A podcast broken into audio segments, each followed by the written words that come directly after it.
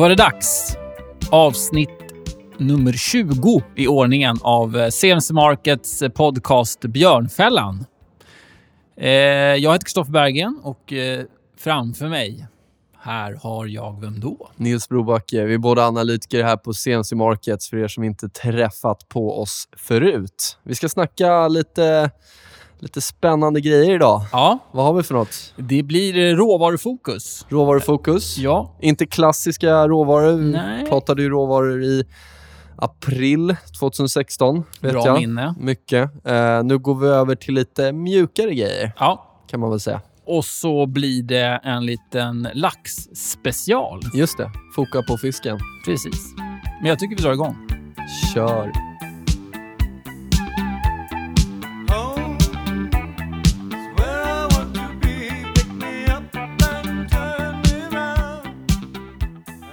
Ja, men då drar vi igång då. Du brukar ju få ta på dig historiehatten ibland. Mm. Vill du ta på att- dig den? Ja, men jag gör det idag också. Eh, vi ska prata råvaror och om vi går tillbaka historiskt sett så finns det eh, klar dokumentation på att redan på 1700-talet så var handeln med terminskontrakt i ris stor och utbredd i Japan. Eh, vet att även det finns indikationer på att så långt som 6000 år tillbaka i tiden så eh, gjorde man det här även i Kina. Då. Och sen var det väl även i Mesopotamien, va? Eh, Ja, ett eller 2000 år före Kristus. Så att Terminshandel, råvaror, funnits länge och eh, är ja, existerande självklart fortfarande idag. Det var väl lite mer over the counter då kanske? Ja, det får man eh, väl säga. Automatiserat. Absolut, inte, inte, lika, High tech. inte lika automatiserat. Eh, om vi kollar för privatpersoner så har tillgängligheten ökat enormt de senaste åren. Eh, bättre förutsättningar, bättre prissättning, spreadar, tillgänglighet. Eh, var handlar man generellt sett de här råvarorna? Ja, störst kanske är då, då Chicago Merck, CME. Eh, men det finns råvarubörsar egentligen runt om i världen. Då.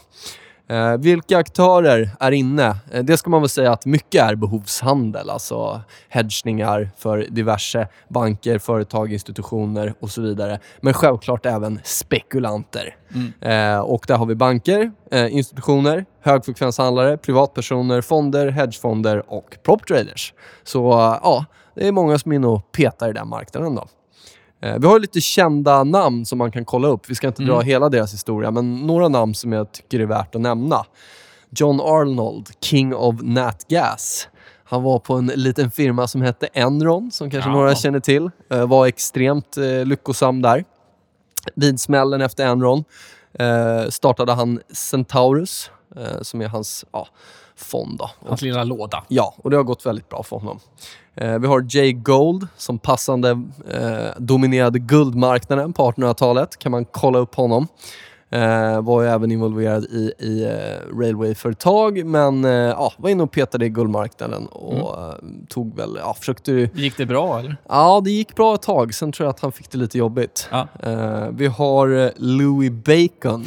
Det tycker du är kul, eller hur? Ja, det är kul. Han kanske säkert har tradat handlat pork bellies. Ja, Ja, precis. Det. Eh, Han var faktiskt en bomullstrader från början. Eh, väldigt stor trader på Lehman efter det och sen drog han igång More Capital. Eh, för ett par år sedan rankades han tror jag 700 rikast i världen, eh, så det har gått ganska bra för honom. Mm. Eh, en person som de flesta som är intresserade av trading känner till, eller i alla fall bör känna till, är Paul Tudor Jones. Yes. Finns en- Mannen som förutspådde kraschen 87. Just det. finns en fantastisk dokumentär med honom Ja. som jag vet att du gillar. The Även Trader, jag. Tror jag att den heter. The ja. Trader, det är bara att googla så får ni fram den, lite hur han tänker. Men han började faktiskt med commodities då och jag ju egentligen och har gjort allting efter det. Men eh, började på commodities-sidan. Och sen har vi också en, ah, han skiljer sig väl lite från de andra, Jim Rogers, men han är ju verkligen en legend inom Mm. råvaruhandel. Han var ju eh, med i Quantum Fund med berömda George Soros och har efter det, eh, som vi ska titta på lite senare också, skapat ett råvaruindex. Eh, RICI, tror jag att man säger. R-I-C-I. Eh, har väl inte gått superbra kanske sen det lanserades 2010. Men får man ett eget råvaruindex så är man ändå, då får man ändå anse att man är ett namn i branschen. Ja, och då ska jag säga så att det är inte bara softs då, utan det är alla råvaror. Men, ehm, det, och det är ett index som har byggts mycket ETFer och struktar och liknande saker kring. Då. Precis. Sen är det ju många Trendföljande investeringsstrategier har ju ett fokus mot råvaror av olika anledningar som vi kommer in, komma in på.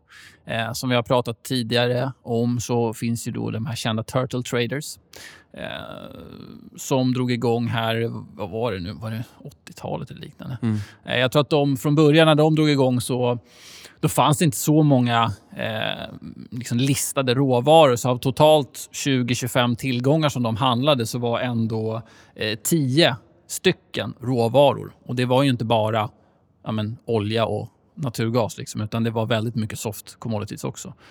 Och det finns ju såklart en anledning till att trendföljande är intresserade av det, men det kommer vi in på. Om man tittar på risker, men kanske även fördelar med eh, commodity trading eller råvaruhandel, eh, tycker jag ändå vi nämner det här i början av avsnittet. Eh, det är ett zero sum game. Alltså vi, precis som i valuta så har vi ingen inneboende tillväxt. Eh, några vinner och de flesta förlorar. Så eh, det, det, det, är- Det gäller att vara på rätt sida. Ja, det är competitive. Absolut. Eh, hävstången. Eh, väldigt många handlar råvaror med hävstång. Och Det kan ju både vara en fördel och en nackdel beroende på hur man använder den. Då. Eh, men det är klart att det, det är en risk som med alla andra typer av produkter när man handlar hävstång. Eh, gaps. Ofta så gapar det i eh, de här marknaderna. Och Det kan gapa rejält och det kan bli eh, ja, låsta marknader om det rör sig för mycket. Då. Mm. Och eh, Sitta i en sån marknad där det blir belly up varje dag, eh, det är inte så kul om man är kort. Det kan bli väldigt kostsamt. Då. Så att, eh, men det kan ju å andra sidan också, om man sitter på rätt sida, vara ganska trevligt. Så att, både en fördel och en nackdel där. Volatiliteten självklart ger ju det att den är stor i eh, de här råvarorna. Och ju mer exotisk råvaran är, desto mer kan det röra Mm. sig. Man kan ha konsolidering, kortare perioder och sen kan det dra 50, 100, 200 procent. Så att det, det blir feta rallyn och Mm. stora avförsäljningar. Och, eh, är vi aktiva traders så, så är det något, något som vi kan gynnas av. Då, Och sen är det ju också. svängigt på vägen till de här rörelserna kommer. Så det är ju det är inte helt ovanligt att trendföljande och så vidare använder volatilitetsstoppar. Alltså man lägger stoppen ut efter volatiliteten i tillgången. För det skiljer sig, som du nämnde, väldigt mycket från råvara till råvara. Ehm, alltså råvaror skiljer sig om man tittar hur de prissätts. Så är det ju eh, många andra faktorer när man jämför med till exempel aktier. Det är liksom väder, eh, det kan vara sjukdomar lite beroende på vilken råvara man tittar på, strejker, politik och så vidare. Och så vidare. Eh, och det är faktorer som kanske inte har så stor inverkan på aktiemarknadens prisrörelser eh, generellt sett, vilket också har gjort att historiskt så har råvaran varit en ganska bra diversifiering mot, eh, mot aktiesidan och mot liksom indexsidan. Eh, sen så en annan skillnad mellan de här två, om man ska jämföra mot aktier, så är det som så att råvaror finns ju i en fysisk form. Eh, aktier finns väl inte i fysisk form, det eh, så vitt jag vet. Jag vet inte, du kanske har en annan åsikt där. Eh, men det gör ju att, och det här tänker man inte alltid på, men råvaror måste ju lagras någonstans. Ofta är- när man sitter och handlar råvaror så tänker man att det, det är bara priser som rör sig på en skärm och så vidare. Men någonstans ska det handhållas eh, eller förvaras och det innebär ju en kostnad. Det ska transporteras, vilket innebär en kostnad. Och den kostnaden spelar in i prissättningen av råvaror. Just det. Eh, Man kan ju handla olika kontrakt där. ja, Så även hos oss. Jag tänkte Precis. att vi ska, du ska förklara lite här skillnaden va, mellan Ja, termin jag tänkte och jag ska spot. gå in eh, på den lilla biten alldeles nu faktiskt. Ja. Termin och spot som du nämnde. Spot, Cash heter det hos ja, oss. spot behöver inte lagerhållas för det är leverans direkt. Vilket gör att, hur ska man säga, terminspriset som har den här innebyggda kostnaden närmar sig spotkursen Under löptiden. under löptiden. Så när den förfaller terminen så har de i princip samma värde. Så skillnaden mellan priset på terminen och spotpriset skapar ett positivt eller negativt investeringsklimat kan man säga i råvarorna. Eh, och då finns det två ord som brukar användas frekvent och det är något som heter contango Och backwardation. backwardation. Och contango, eller contango, ja, eh, händer om terminspriset på kommande kontrakt är högre än aktuellt spotpris. Det som händer då är att man får liksom en negativ effekt på terminspriset eftersom terminspriset närmar sig spotkursen vid förfall. Ligger spotkursen under terminspriset så kommer terminspriset jobba sig ner och då har man den rörelsen emot sig. Och backwardation är då det motsatta, Ja. förmodar vi. Exakt. Terminspriset är lägre än spotpriset, ja, men då har man rörelsen upp mot spotpriset liksom i ryggen.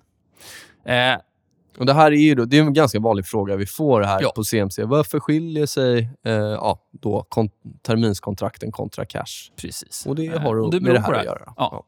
Eh, och det har att göra, terminskontrakten kan ju, ofta så är det contango, det vill säga att terminen ligger eh, högre Mm. än, än spotkursen. Det beror på den här innebyggda kostnaden som vi pratar om, lagerhållning och så vidare.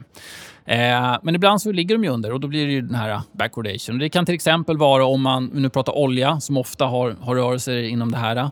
Så mm, säg att man det har varit prat nu om att den här äh, skifferproduktionen igen, riggar, antalet riggar som aktiveras i USA har ökat ganska kraftigt. Om man tror att det kommer öka ytterligare så kommer det sätta press på oljepriset som då där terminsmarknaden då kanske prisar in en nedgång i oljepriset. En sån typ av incident skulle kunna trycka terminspriset under spotpriset och man får då en sån här backwardation, vilket är till investerarens fördel.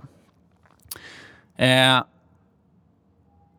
och vid, den här, vid terminens förfall, som det så fint heter, så kan man rulla över kontraktet till nästkommande termin.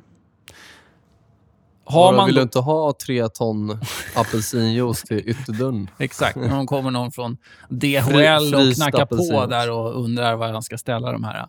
Eh, men har jag contango, är jag i det scenariot som är det vanligaste, så har jag liksom en negativ rullningsränta mot mig hela tiden. Eh, den kan variera. Är det backwardation, ja då är den här roll yielden, eller rullningsräntan, är då positivt. Eh, och det kan ju variera.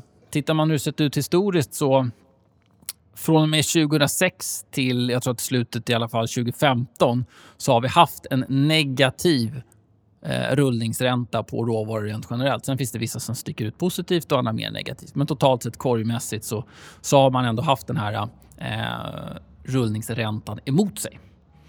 Ibland, exempelvis 2003, så var den extremt hög. Årsbasis runt 20 procent. Så att då var det ett väldigt förmånligt klimat att, att ligga i råvaror bara ha den medvinden i ryggen.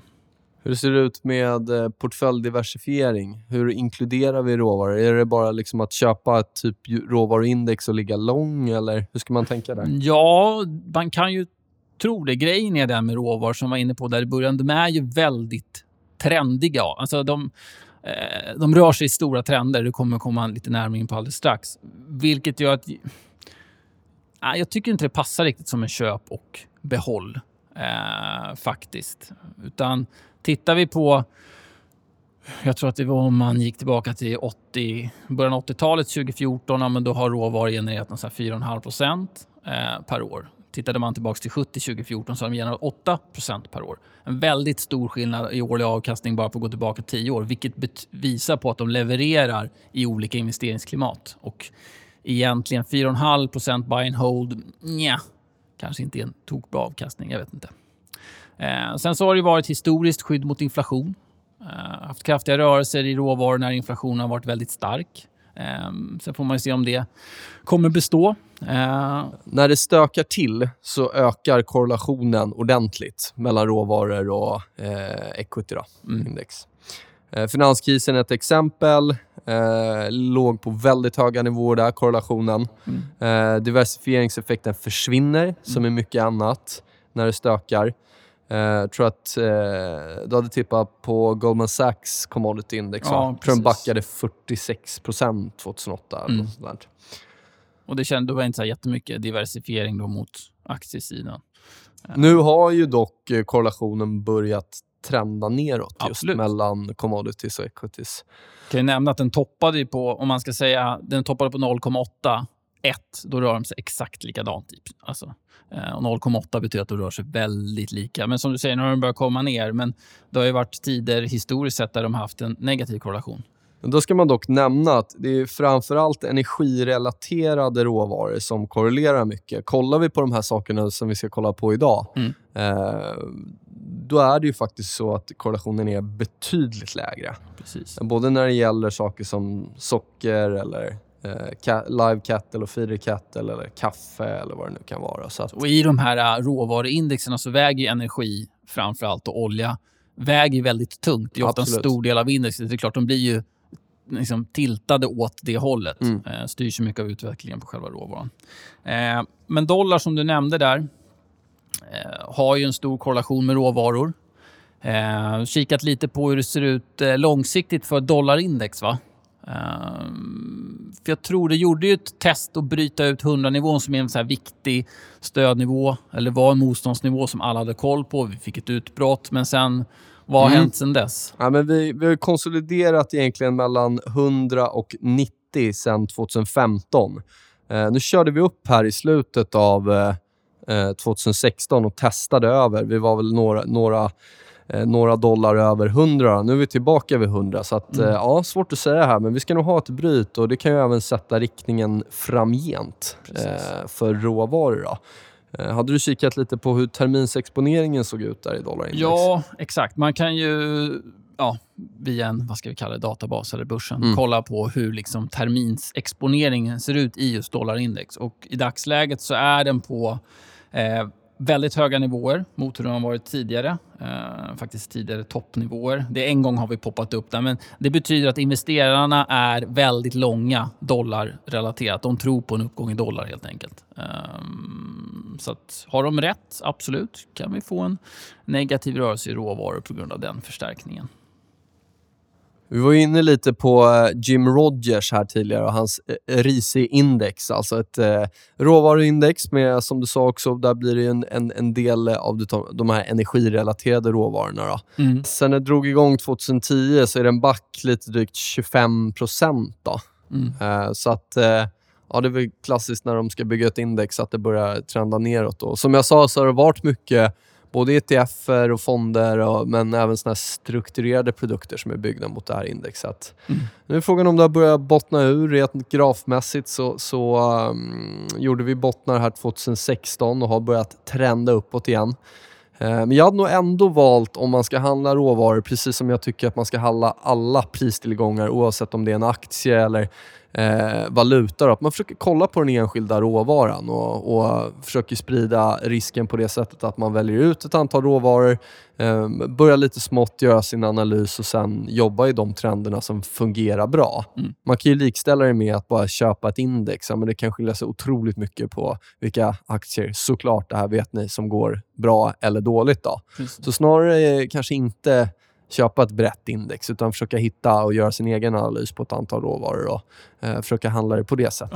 Ja. Och kommer man fram till att man ändå vill köra indexvarianten, Mm. kolla då vad indexet innehåller. Exakt. Ehm, för till exempel S&P, jag tror att det är, Goldman Sachs råvaruindex, Mm. är ju nog det som är mest tiltat mot oljesidan. Ehm, och bara kolla volatiliteten i de här indexerna så visar det också på varför det är locka till sig trendföljande strategier skulle jag tro. För att om vi går tillbaka till typ 91, kollar vi på Goldman Sachs-indexet. 91, 93 ner 14% 94, 96 upp 70% 97, 98 ner 44 Bra volle.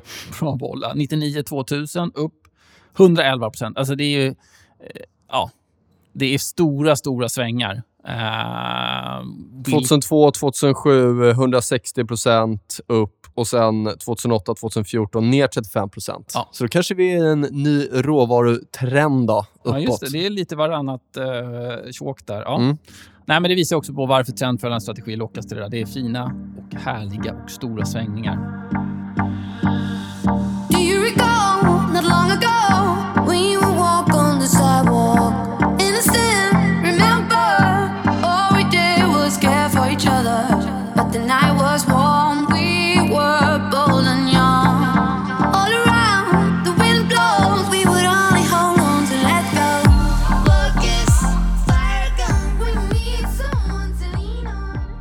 Om vi går över och kikar på de här mer soft commodities då, som vi har eh, pratat om, så har det ju, de varit nere på egentligen, eh, och då är det ofta agriculture man pratar om. Då.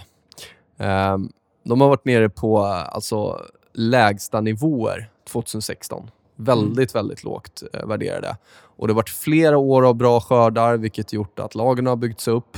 Eh, kanske har varit ett överutbud då, eller? Ja, det finns eh, flera anledningar, men eh, nu börjar experter ha en, om man säger försiktigt positiv eh, tro här för 2017. Om vi kollar för riskerna eh, för, för de här agricultural commodities så får man, eh, vi kommer gå lite mer på djupet, men fågelsjuka är en sån sak. Mm. Varför är det en risk? Jo, utanför USA har det varit många outbreaks av fågelsjukan. Eh, Fågelinfluensan. Fågelinfluensan heter det. Fågelsjukan, det är något annat. det är det som du har på lördagskvällar. Eh, kan minska efterfrågan eftersom många, många eh, av de här kycklingarna och så vidare, de äter De ju de här råvarorna. Exakt, det är ingredienser till deras mat, till deras foder. Eh, Donald Trump, som bekant, en ny herre eh, på täppan. Eh, han är ju inte så superbullish eller vänligt inställd till diverse eh, miljövänliga drivmedel. Nej, Eh, det är en eh, hittepå det här med global uppvärmning stor del av USAs eh, utbud av majs och sojabönor går faktiskt till att eh, tillverka etanol då, då, som är biofuel. Om vi ska prata Kina så är de extremt eh, stora eh, när det gäller de här råvarorna, precis som mycket annat. Eh, deras aptit för sojabönor var väldigt, väldigt starkt 2016. Eh, satte nya exportrekord, gjorde USA till Kina. Eh, Kina använder de här sojabönorna, som vi nämnde, som foder för boskap, eh, vilket även inkluderar deras växande grisuppfödning som har växt väldigt mycket den senaste eh, tiden. Då.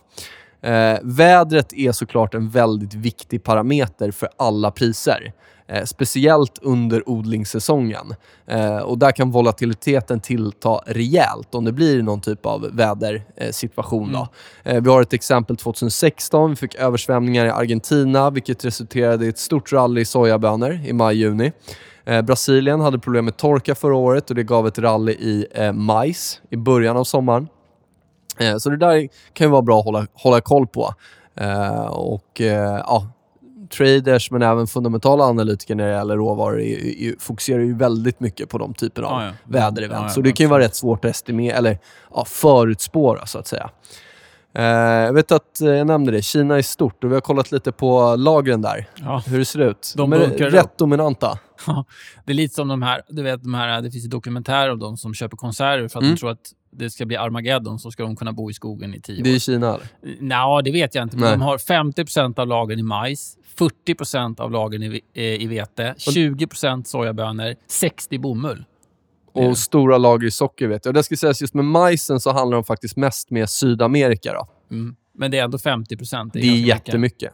Det är, Eh, så att får vi en global matkris, nu har de för rätt många munnar att mätta eh, förvisso. Men det kan ju vara ja, lite spännande ändå. Fågelinfluensan var jag inne på. Sydkorea hade ett outbreak. De har även haft en del politisk risk, så det har eh, minskat efterfrågan för den här typen av spannmål och mat då, då, som foder till de här kycklingarna. Eh, andra delar av Asien, inklusive Kina och Japan, har även drabbats av fågelinfluensa. Eh, och Det här kan då i sin tur, om det blir värre, leda till eh, eh, ja, nedgång då, eller i demandet efter sojabönor och majs. Europa, vi har också haft problem. Frankrike framför allt, som är största uppfödaren av kyckling. Eh, men även Tyskland och Holland har faktiskt drabbats en del. Right. Så det är lite sådana saker som man bör hålla koll på. Då. Men alla de här uh, influenserna och översvämningarna och så vidare, det är ju också det jag återkommer till det här med att, liksom, trendstuket. Men visst, man missar ju själva rörelsen i sig när nyheten kommer, men det är ju inte som att det breakar upp och sen så sta- stannar och så kommer det ner igen, utan det är ofta den man vill fånga. Ja, Eh, Kanske en, tri- en trigger. Då. Exakt. Så att, eh, det är inget som spelar ut på en halvtimme. Precis. kanske. Eh, om vi kollar på majs eh, så har det påverkas det ganska mycket av hur crude oil presterar. Just eftersom att det är ett alternativt dri- drivmedel. Och om man ska säga den stora saken som jag nämnde här tidigare, det är just Trumps administration. Hur är inställningen egentligen till eh, alternativa drivmedel? Ja, det verkar som att den inte är särskilt positiv. Eh, 40% av eh, utbudet i majs under 2016 i USA gick till biofuel, så det är en stor del. 20% av sojabönor. Och eh, Trump har ju valt Texas förre guvernör Rick Perry som energiminister.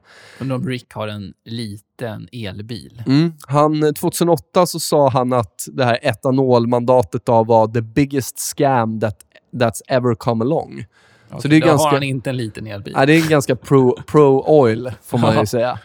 Eh, eventuellt handelskrig, säger experterna, bör, alltså med Kina då, eh, USA och Kina, bör inte påverka efterfrågan jättemycket.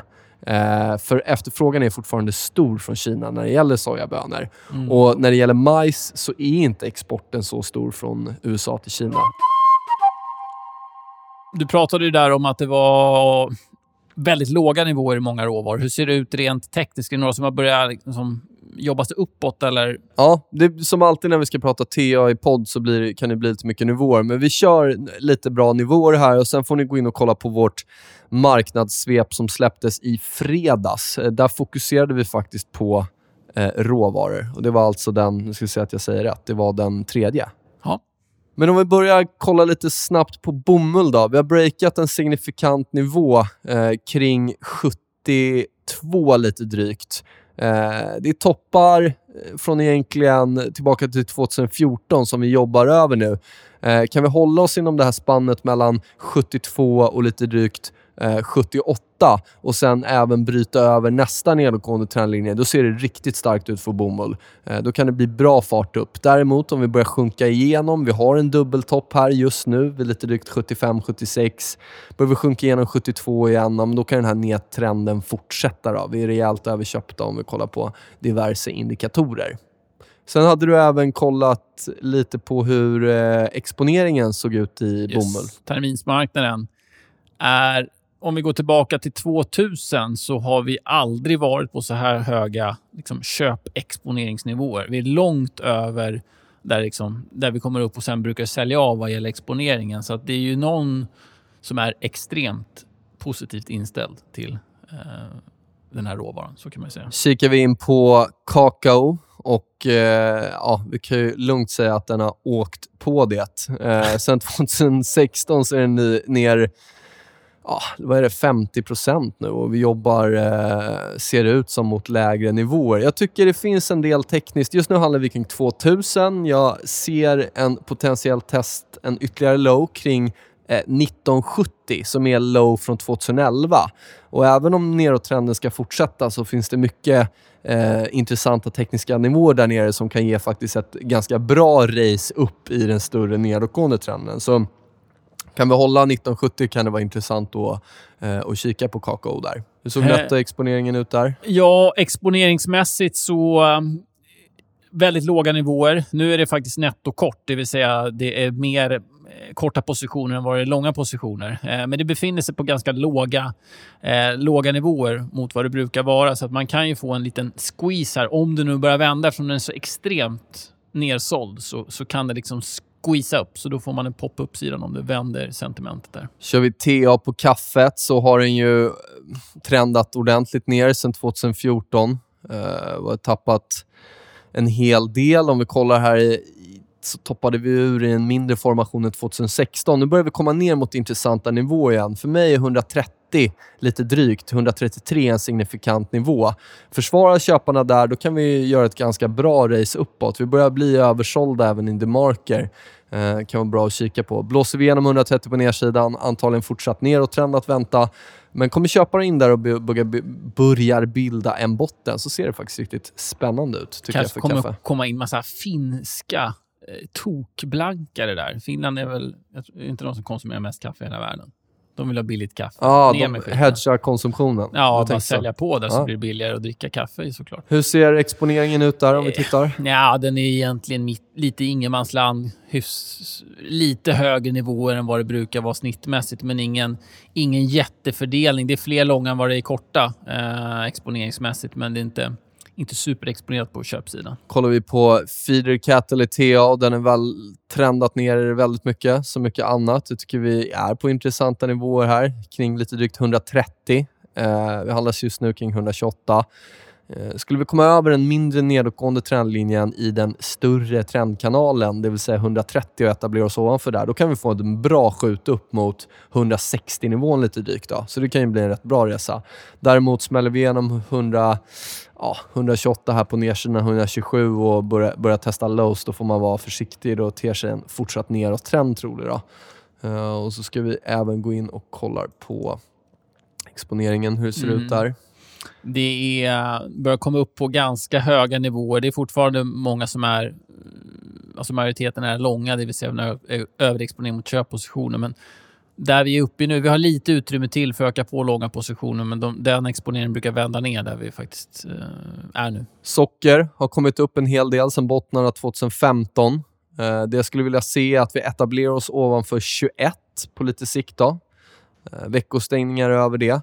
Eh, just nu så handlas vi vid 20. Skulle vi börja bryta ner genom den så ter sig ett lägre test troligt kring 17, uppåtgående trendlinje. Eh, medelvärden där nere också, men vi har fortfarande mer att ge i marker på uppsidan. Eh, skulle vi börja bryta 17-18 på nedsidan, då ter sig fortsatt neråt trend troligt däremot. Som sagt, 21 blir viktig för mig. Om vi kan etablera oss ovanför där, då kan det bli lite tryck uppåt. Och om vi hoppar in i exponeringen där så har vi varit uppe rätt högt. Ja, eh, det har vi varit. Vi har varit uppe på riktigt höga nivåer exponeringsmässigt och nu har det börjat sälja av. Så att där vi befinner oss just nu, det är egentligen nivåer där säljtrycket på liksom, vad ska vi säga, terminsmarknaden brukar komma in. Här brukar, man, brukar det skalas ner positioner om vi går tillbaka till, till 2000. Så att vi har haft en väldigt stor exponering på köpsidan. Den hade väl tränat väldigt fint uppåt. Den här, va? mm, Så att det är klart att då, då ökar sig exponeringen på. För en aning om att det kanske blir en liten återhämtning, och då, då drar man ju ner på, på terminsexponeringen. Sojabönor, TA-mässigt, intressant. 1000-nivån om den kan hålla Eh, och även etablera oss över 1100 lite drygt på veckobasis. Ser det spännande ut, då kan vi få ett rejält rally. Eh, däremot så eh, trendar vi neråt härifrån och håller oss under 1050 lite drygt, som är en större nedåtgående trendlinje från historiska toppar. Då ska man nog vara försiktig. Då kan det, kan det braka ner mot lowsen kring 800 lite drygt igen. Då. Och så har vi vete till slut då, som har bottnat ur rejält. Eh, lägsta nivåerna kring 380 lite drygt. och Vi just nu kring 420.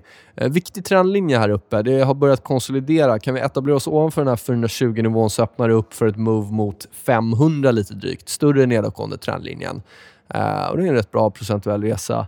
Eh, däremot om vi viker ner här, vi fick några spikar i 2016-2015 som säljare försvarade extremt kraftigt vid den här trendlinjen. Eh, ja, men då ska vi nog ner och testa bottnar kring eh, 380-området igen. Då. Och återigen, om ni vill ha en lite mer uppdaterad förklaring eller med grafer och så vidare, så kolla på marknadssvepet från Ja. i fredags. Då, Då, körde blir det vi, lite tydligare. Då körde vi igenom en rad av de här råvarorna. Suckers think you're tripping with? Yes, I'm the boss. 745, white on white, that's Rick Ross. I keep them wide, I keep them long, I keep them fat. I keep them coming back. We keep them coming back. Då går vi över på fina fisken. Ja, den orangea fisken. Lax. Mm. Historiskt sett, hur har det sett ut när det gäller laxproduktion? Eh, ja, det har ju varit en ganska fin årlig tillväxt. Mm. Typ sen 90 så tror jag ligger på runt 10% per år. Eh, tror inte man förväntar sig att det kommer växa lika kraftigt eh, framgent som det har gjort tidigare. Men fortfarande en bransch med god tillväxt. Eh, Norge och Chile är ju de som dominerar bland producenter. Nu pratar vi odlad lax här. Eh, tror Norge är ungefär dubbelt så stora Mm. eh, som Chile. Kanada börjar väl få igång lite av sin, sin odling, så där, men det är fortfarande de två som, som dominerar. Vad handlar vi de här laxarna då? Lax, Laxbörsen? Laxarna handlas på... Och de flesta är på Oslo, Ja. Oslo Börs. Eh, det är lite roligt där. I Sverige så är vi ju så här, ja men nu i och för sig så olja stort Mm. i Norge också, men nu kommer veckovisa oljelager, blir lite Mm. volla. I Norge kör man veckovisa lax, laxlager och så blir det volla i de bolagen. Så att, eh, nej, det är ganska många som handlas på OBX faktiskt. Eh, så olja och lax, det är typ det som är OBX.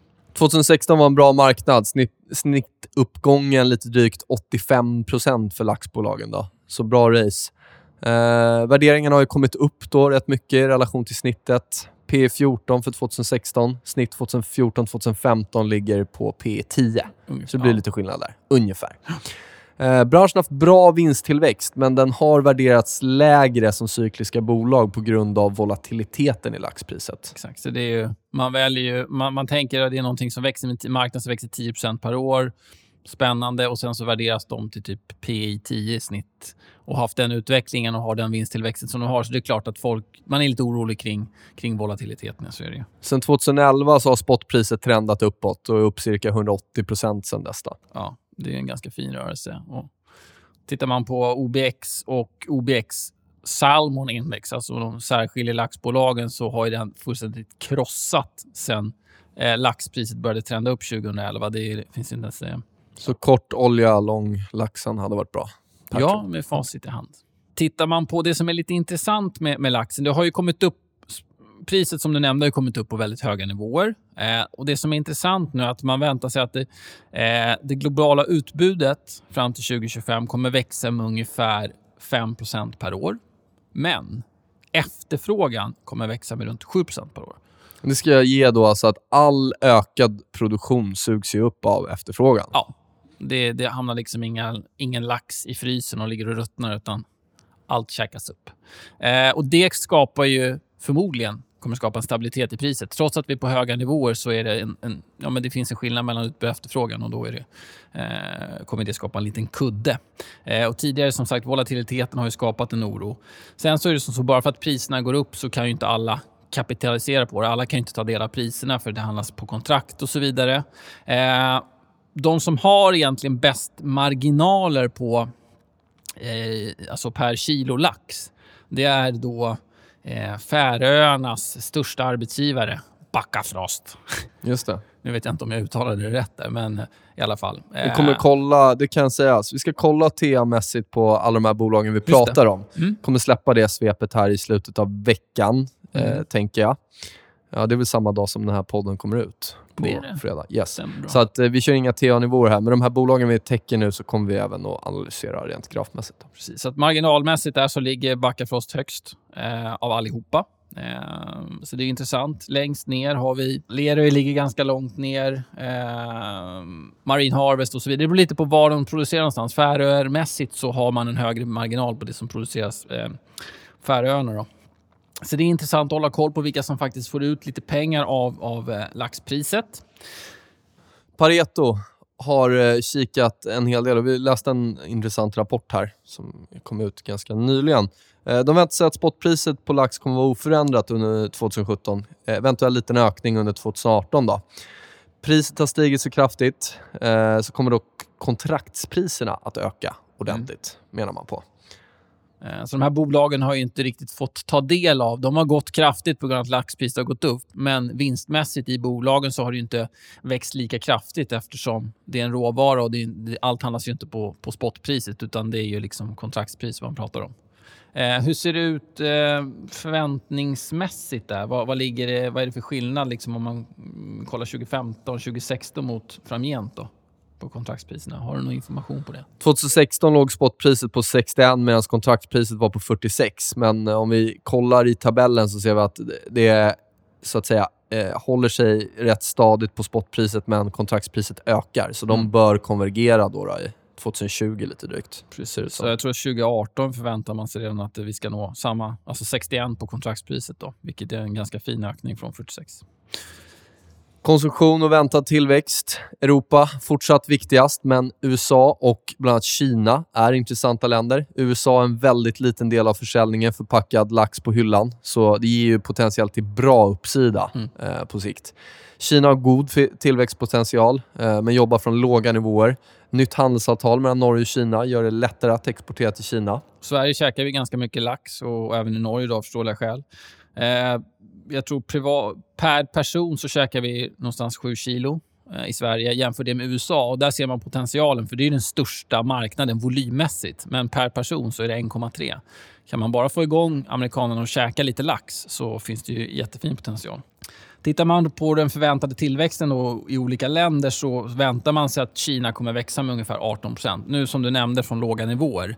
Eh, och eh, USA växer med 4% EU, det som är den största marknaden, väntas vara hyfsat oförändrad där. Men nej, kan man få, fram, få fart i Kina och framförallt USA så ser det ju riktigt spännande ut. Sen har vi Ryssland som har varit en eh, stor importör tidigare. Eh, men man har inte exporterat, Norge har inte exporterat lax till Ryssland sedan 2014. Eh, tar man bort då det här vad ska vi kalla, importstoppet så förväntar sig man då att, jag tror att det var Pareto som skrev det också, att eh, efterfrågan totalt sett i världen kommer att öka med totalt ungefär 2% på det. Då. Eh, vi var inne på det här med Chile, att de är den näst största producenten. när de drog igång, det har ju hållit på lite längre i Norge, men när de drog igång så drog det igång ordentligt, vilket gjorde att man fick lite sjukdomar och så vidare i sina odlingar. Man växte mer än vad man kunde hantera. Eh, jag vet inte, hållbarhetsfrågorna kanske inte togs på största allvar och så vidare. Och det gjorde att man har infört regelverk som då ju mer du producerar, desto mer får du egentligen betala liksom för din produktion. Inte bara på att produktionen blir större, utan det, ja, det blir så att säga exponentiellt. Vilket också faktiskt kommer att hålla, hålla emot eh, utbudssidan en hel del. Och det är väl i och med att eh, efterfrågan är så stor så är det väl egentligen eh, de här regulatoriska kraven och eh, även då risken med eventuell laxsjukdom som vi ska Ja. prata om här, som egentligen håller emot. Då. Om vi tar just den här laxlusen som kanske några har hört om. Eh, Lepteris salmonis som det heter på latin. Eh, Den finns naturligt i alla havsområden på norra havsklotet och det är den vanligaste parasiten hos lax, både odlad och eh, vildlax. Då. Eh, Det är en välfärdssjukdom för lax i den mån att det inte påverkar matsäkerheten för oss människor. Sitter de på ytligt på fisken så är det bara att skrapa bort det. Däremot om det har kommit ner lite och börjar göra sårskador i köttet, då, då blir det här obrukbart och då vill man ju inte sälja det här till konsument. Inte så fräscht. Inte så fräscht. Eh, branschen tar dock det här på väldigt stort allvar. Man har mål att hålla väldigt låga nivåer när det gäller laxlus i olika anläggningar, eller i de här odlingsanläggningarna. Man kontrollerar det här minst var 14 dag. All data rapporteras till norska livsmedelsverket, alltså Mattillsynet, och finns tillgänglig på lusedata.no om man är intresserad av det. 2015 så vet jag att det var på gång en stor laxkris just på grund av laxlusen. Eh, Och det hade ju då givit masslakt i lax. Sen är frågan hur det här skulle påverka priset. Det kanske har dragit upp priset, men det är klart att några aktier, alltså bolag som sysslar med det här, kan ju bli hårt drabbade av en sån slakt. Då. Som med alla bolag pratas det valutarisk och det pratas väder och så vidare. Men nu gäller inte det eh, lika mycket för laxbolagen. Men valutarisken finns ju där. Eh, och Europa är den största marknaden, vilket gör att per automatik blir eh, euronok, alltså hur noken rör sig mot euron, intressant att hålla koll på.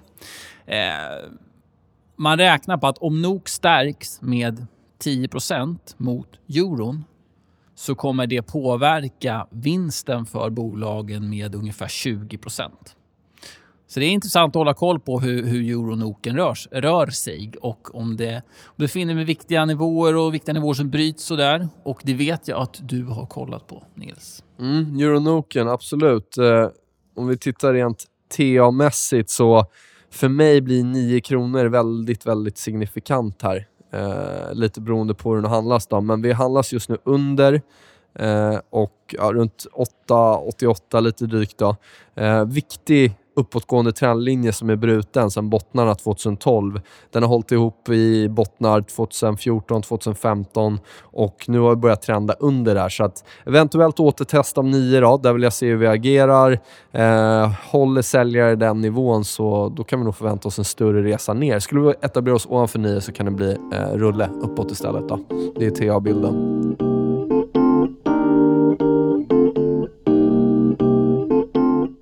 Yes, om vi kollar lite fundamentala värderingar då. Ja, Pa- Pareto är ju klart bullish ja och de har- DNB är, ja vad säger man? de Sidledes. Är, eh, precis. Avvakta. lite mellanmjölk. Mm. Jag tror Pareto har, av de bolagen de följer, det är väl i princip alla som, som eh, är mot den här sektorn i Norge, så har de eh, faktiskt köp på majoriteten av dem, medan DNB har avvakta på majoriteten av dem.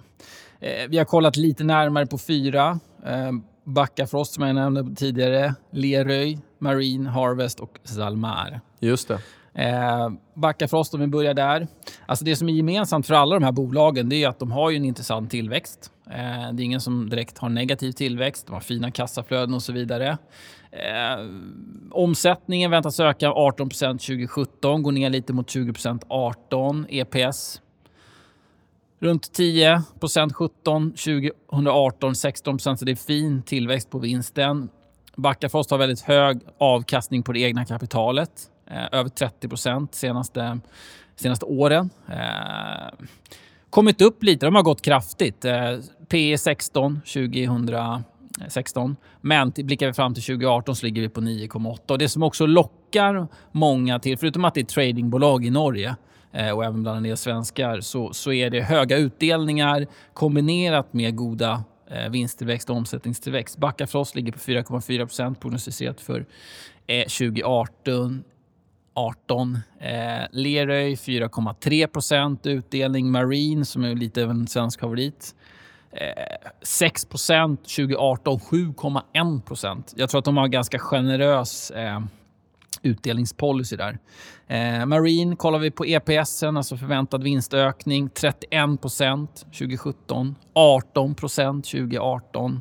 Eh, förväntat PE 2018 9,7. Så att det är ju det har varit risker i de här bolagen. Det är därför de värderas här trots att de har den tillväxten som de har, trots att de kan generera bra utdelningar med en god tillväxt. Så det är klart, de som du var inne på tidigare har, har värderats som cykliska bolag. Mm. Sen är frågan om vi kan få en stabilitet i priset så tror jag att vi kan få en liten så kallad multipel expansion i bolagen. Det vill säga att man, det är inte bara den ökade vinsten som ökar priset på aktien utan det är även eh, vinsten behöver inte lika, öka lika mycket. Då drar man upp P talet så får man en högre värdering på eller ett högre pris på bolaget. Eh, så att jag tycker det är absolut en spännande sektor. Hållbarhetsfrågor där blir viktigt Ja. att ta hänsyn till eventuella Det är det alltid. förändringar Eh, där. Och som sagt, de här bolagen och några till eh, kommer ett TA-svep på också. Då, så ni får grafbilderna.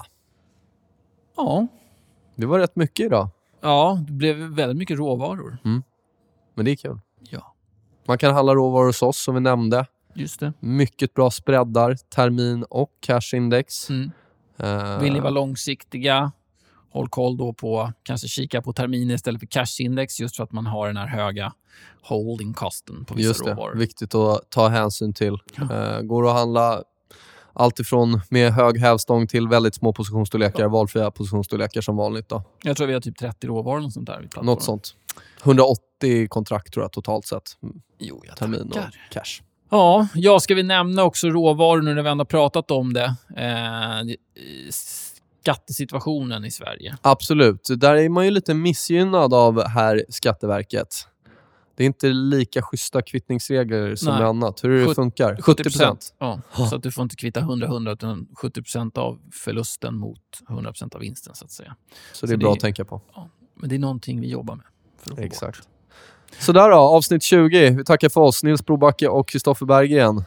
Har Var något? finns vi någonstans? iTunes, Soundcloud och diverse poddspelare. Korrekt. Missa inte marknadssvepen. Frågor, funderingar, hör av er till oss. Antingen via mail, hashtag björnfällan eller slå oss en signal. Ja, och har ni något ämne ni tycker vi ska prata om, mejla det. Har Eller intervju. Exakt. Har ni någon person som vi, ni tycker att vi ska försöka få till en intervju med, mejla det. Eh, vi har fått in Stefan Persson. Svårt Många som vill ha Victoria Silverstedt också. Vi, ska prata med henne. så det. Ja, hon kanske har någon syn på Euronok. Det tror jag att hon har. I alla fall. Vill du säga något mer eller ska vi runda av? Nej, jag tycker det räcker nu.